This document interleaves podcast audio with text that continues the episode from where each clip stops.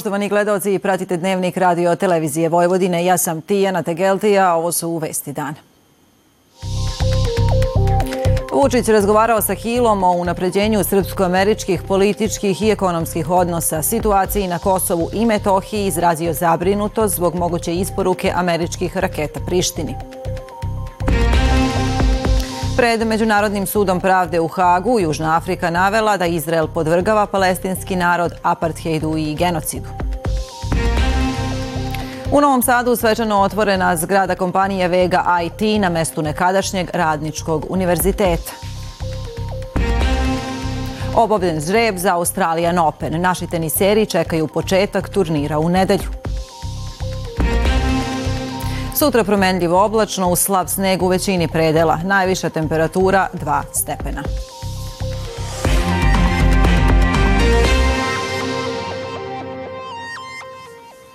Predsednik Srbije Aleksandar Vučić primio ambasadora Sjedinjenih američkih država Kristofera Hila sa kojim je razgovarao o daljem unapređenju srpsko-američkih političkih i ekonomskih odnosa, međunarodnoj poziciji Srbije, situaciji na Kosovu i Metohiji i nastavku dijaloga sa Prištinom, kao i o aktuelnim geopolitičkim dešavanjima.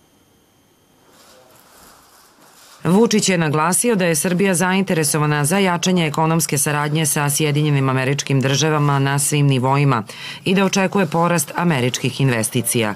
Istakao je da je za našu zemlju neophodno da se nastavi rad na jačanju ne samo putne infrastrukture, već i energetske i najavio da se uskoro očekuje potpisivanje značajnih ugovora između Srbije i Sjedinjenih američkih država za razvoj infrastrukture.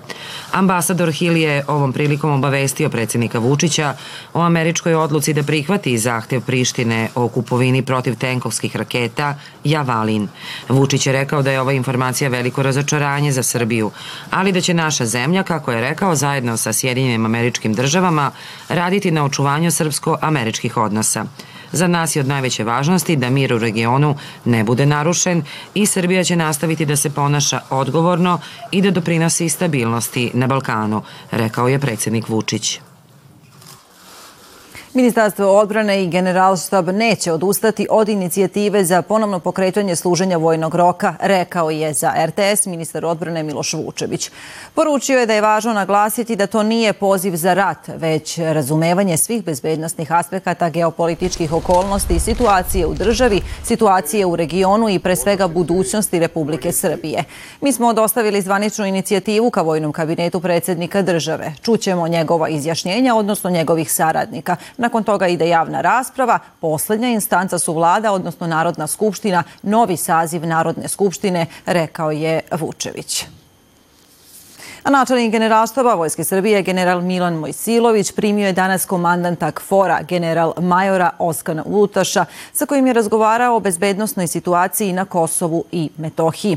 Na sastanku je bilo reči i o realizaciji zajedničkih aktivnosti Vojske Srbije i KFOR-a, koje se preduzimaju radi praćenja situacije na terenu, prevencije kriza i sprečavanja širenja dezinformacija, saopštilo je Ministarstvo odbrane ističući da se Vojska Srbije u potpunosti pridržava vojno-tehničkog sporazuma, general Mojsilović je još jednom ukazao da je KFOR jedina legitimna oružana formacija na Kosovu i Metohiji, budući da rezolucija 1244 Saveta bezbednosti Ujedinjenih nacija i vojno-tehnički sporazum ne prepoznaju druge strane sem međunarodnog civilnog i bezbednostnog prisustva u pokrajini i snaga bezbednosti Republike Srbije.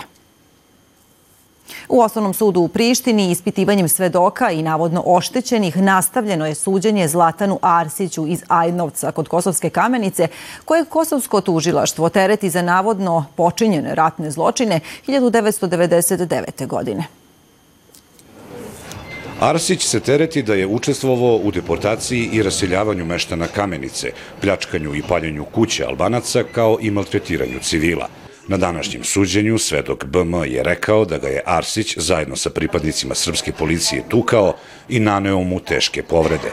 Branioci Arsića istakli su da tužilaštvo nije iznalo materijalne dokaze. Za sada odbrana ima dosta pitanja da postavi oštećenom kao glavnom svedoku. Mislimo da je kontradiktoran svojim izjavama, da, da će odbrana dokazati da je on nepoznan kao svedok i da je to neka njegova izmišljena priča a da ćemo u toku dokaznog postupka dokazati nevinost Zlatana jer imamo i materijalne dokaze kojima dokazujem njegov alibi.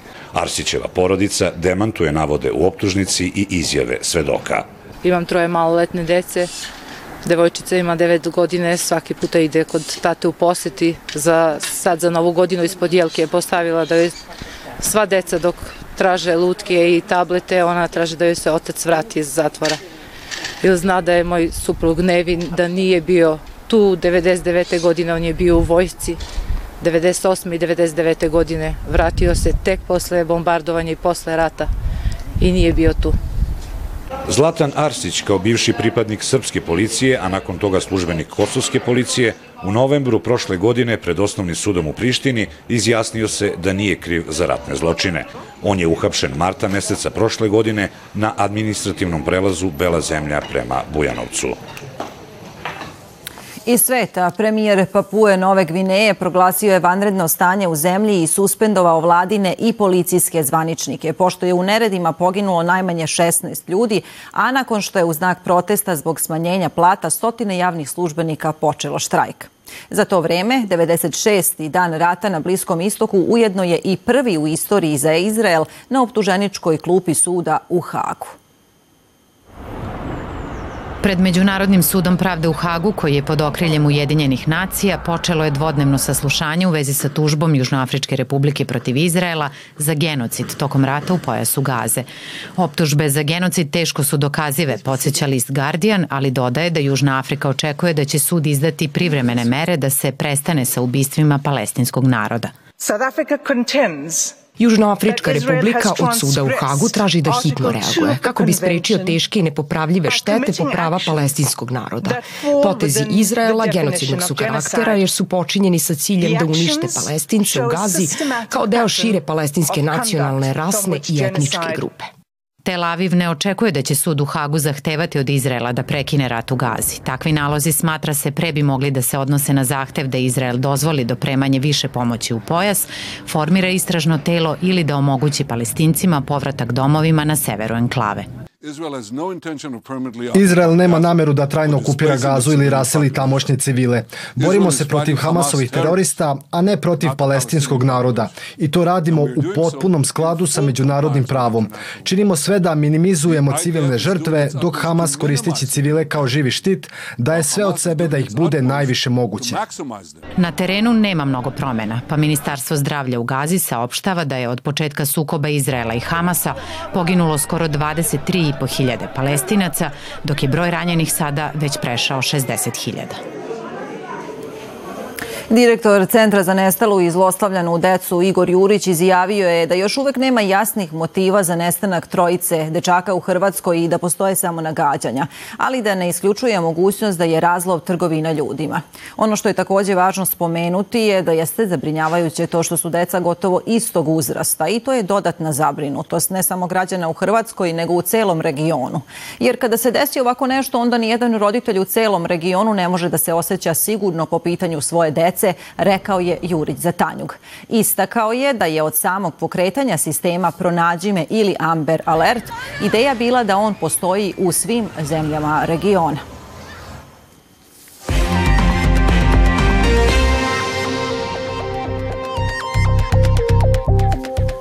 Generalni direktor Srbija gasa Dušan Bajatović izjavio je da će potrošnja gasa u Srbiji danas dostići rekord od 17 miliona metara kubnih i dodao da građani ne treba da brinu jer gasa ima dovoljno za sve potrošače. Kada je reč o ceni gasa, Bajatović je naveo za TV Prva da se ona sigurno neće menjati do 1. maja, kada će se napraviti presek i videti šta dalje.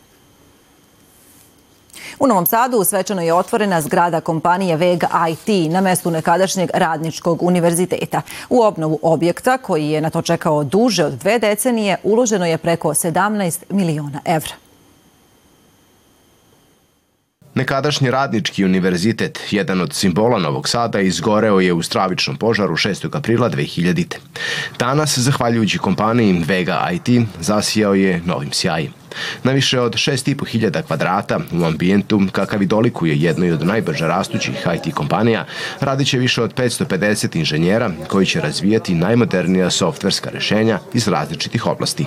Pre dve godine počeli smo sa rekonstrukcijom koristeći najmodernije tehnike gradnje, najmodernije materijale i evo nakon 20 nakon 23 godine ovaj objekat je ponovo postao simbol učenja i inovacija u Novom Sadu. Po svemu sudeći, misija Vege da protkan duhom modernog vremena identitet radničkog bude sačuvan je ispunjena. To ne bi bilo moguće bez podrške grada. Mi kao grad smo uložili 11 miliona dinara u opremanje partera ili uređenje partera, neki 500 kvadrata. I mislim da smo dokazali da zajedničkim snagama smo vratili ovaj objekat na mapu Novog Sada i vratili mu stari sjaj. Za nekadašnjeg gradonačelnika Novog Sada, sada potpredsednika vlade i ministra odbrane Miloša Vučevića, u čije vreme je i započeto sa procesom rekonstrukcije, zgrada radničkog oličenje je napretka i razvoja. Neka bude puno posla, neka bude novih radnih mesta, neka rastu plate, nek se rađaju deca, nek se razvija Novi Sad. Ja sam mnogo srećan što sam bio mali, mali šafić u celom ovom lancu i pokazao da stvari mogu da se popravljaju kada najđete na dobre ljude i kada stvorite dobre okolnosti. Iako u privatnom vlasništvu, deo zgrade biće otvoreni za javnost, a plan je da tu budu organizovani različita kulturna dešavanja i manifestacije. Vlada Srbije usvojila je uredbu o raspodeli posticaja u poljoprivredi i ruralnom razvoju u 2024. godini kojom se raspoređuje deo budžetskih sredstava u ukupnom iznosu od 77,5 milijardi dinara. Takođe, na inicijativu Ministarstva za brigu o selu, Vlada Srbije usvojila je uredbe o utvrđivanju tri programa dodele bespovratnih sredstava za kupovinu seotske kuće sa okućnicom, kupovinu mini buseva za potrebe prevoza seoskog stanovništva i organizovanje manifestacije Miho Miholjski susreti sela 2024. godine. A u toku je prijava za korišćenje banjske rehabilitacije o trošku fonda PIO za sve penzionere čija penzija ne prelazi 39.850 dinara i koji do sada nisu koristili tu mogućnost. Fond PIO je za tu namenu opredelio 1,24 milijarde dinara, što je za 50% više u odnosu na prethodnu godinu. Već u prvim danima konkursa u Novosadskom udruženju penzionera zabeleženo je veliko interesovanje za besplatan boravak u banjama, pa se očekuje da će broj prijava prevazići prošlogodišnjih 1680. Penzioneri saglasni u oceni da je svaka pomoć dobrodošla. U ovim godinama imam dosta problema i mm, zglobnih i srčanih i svakojakih, tako da e, sve što može država da mi pokloni, ja se zahvaljujem do neba. Imao sam jedan moždani i dva srčana udara. Pa bi vam značila sad rehabilitacija? Ne. Koju biste banju voleli da dobijete? Pa apatinsku ili ova, tamo u Srbiji dolje, Lukovska. Prijeve se podnose isključivo u udruženjima penzionera ili njihovim mesnim odborima, a od dokumentacije je potrebno sledeće. Treba da donesu poslednji ček od penzije, i ako imaju nešto od medicinske dokumentacije, fotokopiju medicinske dokumentacije, važeću naravno ličnu kartu na uvid i da dođu ovde da popune prijavu. Pravo na besplatnu rehabilitaciju u banjama imaju korisnici penzija sa prebivalištem u Srbiji, čija mesečna primanja ne prelaze 39.850 dinara. Od ove godine Fond PIO uveo je i jedno novo pravilo – po novom pravilniku Republičkog fonda PIO, koje je to pravo iskoristio 2020, 21. 22. 23. i naravno sve naredne godine, neće više imati pravo u toku korišćenja penzije da ode Prijeve za korišćenje prava na banjsku rehabilitaciju mogu se podneti do 25. januara, a rang lista biće objavljena 24 dana kasnije. Budući da su za ovu godinu obezbeđena značajno veća sredstva u odnosu na prošlu, u fondu PIO očekuju da će ove godine besplatan odlazak u banju iskoristiti više od 21.000 penzionera. Za radio televiziju Vojvodine, Ivana Kamenarac. Skup slavista, manifestacija koja tradicionalno okuplja domaće i strane slaviste, znalce slovenskih jezika, književnosti i kultura održava se na Filološkom fakultetu u Beogradu. Na svečanom otvaranju dodeljene su nagrade zaslužnim pojedincima, među kojima je i direktor gimnazije Jovan Jovanović Zmaju u Novom Sadu, Radivoj Stojković. Okupljanje slavista kojim već više od šest decenija počinje kalendarska godina počelo je svečano. Nakon uvodnog obraćanja, kako tradicija nalaže, nagrađeni su najzaslužniji u godini iza nas – Povelja počasnog člana slavističkog društva otišla je u ruke direktoru gimnazije Jovan Jovanović Zmaj u Novom Sadu, Radivoju Stojkoviću. U prilog pravedne i zaslužene dodele povelje počasnog člana Slavističkog društva Srbije, profesoru Radivoju Stojkoviću, želim da kažem da je u gimnaziji Jovan Jovanović Zmaj u Novom Sadu proteklih deset godina održana niz olimpijada u znanju ruskog jezika, a naravno s ciljem promocije i popularizacije e, ruskog jezika u našim školama, da se iz godine u godine, godinu povećava broj učesnika, učenika osnovnih gimnazija i srednjih škola u znanju ruskog jezika. Činjenica da ovaj skup traje preko šest decenija samo po sebi predstavlja jasno svedočanstvo o tome koliko su domaći i strani slavisti posvećeni promovisanju naučnih saznanja iz svoje oblasti, kao u ostalom i o tome koliko je sama struka sposobna da se prilagođava izazovima vremena. Ovogodišnji skup i zimska škola nastavnika ruskog jezika nastavak je te duge i uspešne tradicije. Tokom naučne konferencije koja će u Beogradu trajati dva dana biće održana plenarna sednica koja će okupiti više od 90 učesnika iz zemlje i regiona. Takođe biće predstavljen zbornik radova objavljen povodom 75 godina Slavističkog društva Srbije.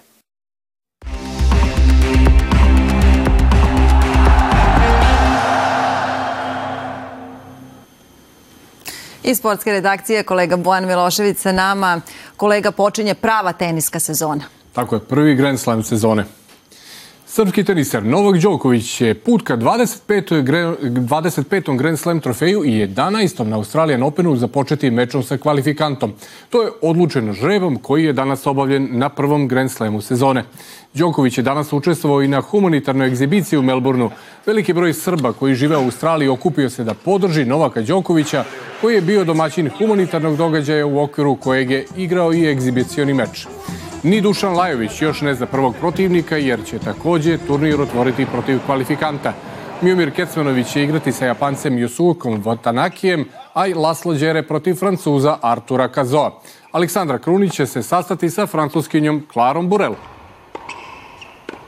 Poznati su svi učesnici Kupa Radivoja Koraća, pored košarkaša Partizana, Crvene zvezde, FNP-a, Borca i Mege, Vojvodine i Čačka, to pravo je stekla i ekipa Hercegovca iz Gajdobre kao najveće iznenađenje. A košarkaše Zvezde danas očekuje još jedan izazov u Euroligi.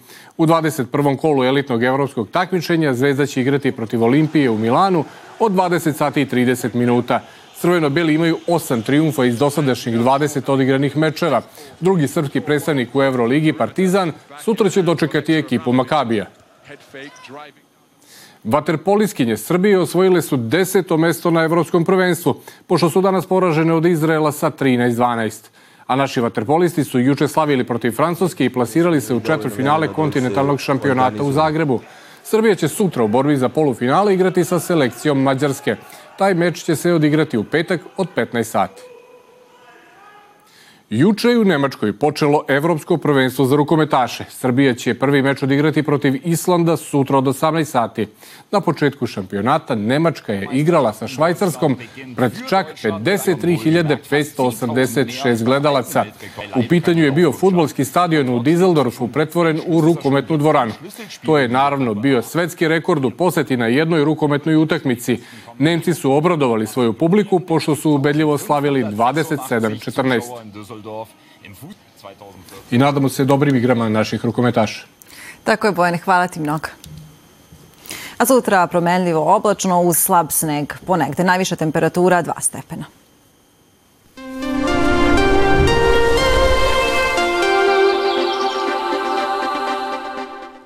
Sutra ujutru slab mraz i magla, u toku dana promenljivo oblačno uz moguću pojavu kratkotrajnog snega.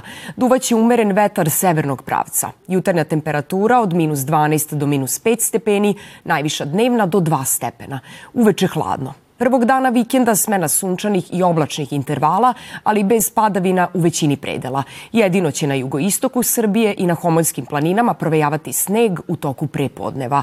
Najviša temperatura 2 stepena. U nedelju pretežno suvo i toplije, dok od početka iduće nedelje meteorolozi najavljuju ponovo promenljivo vreme uz kišu i sneg u većem delu zemlje. Toliko u dnevniku. Hvala vam na pažnju.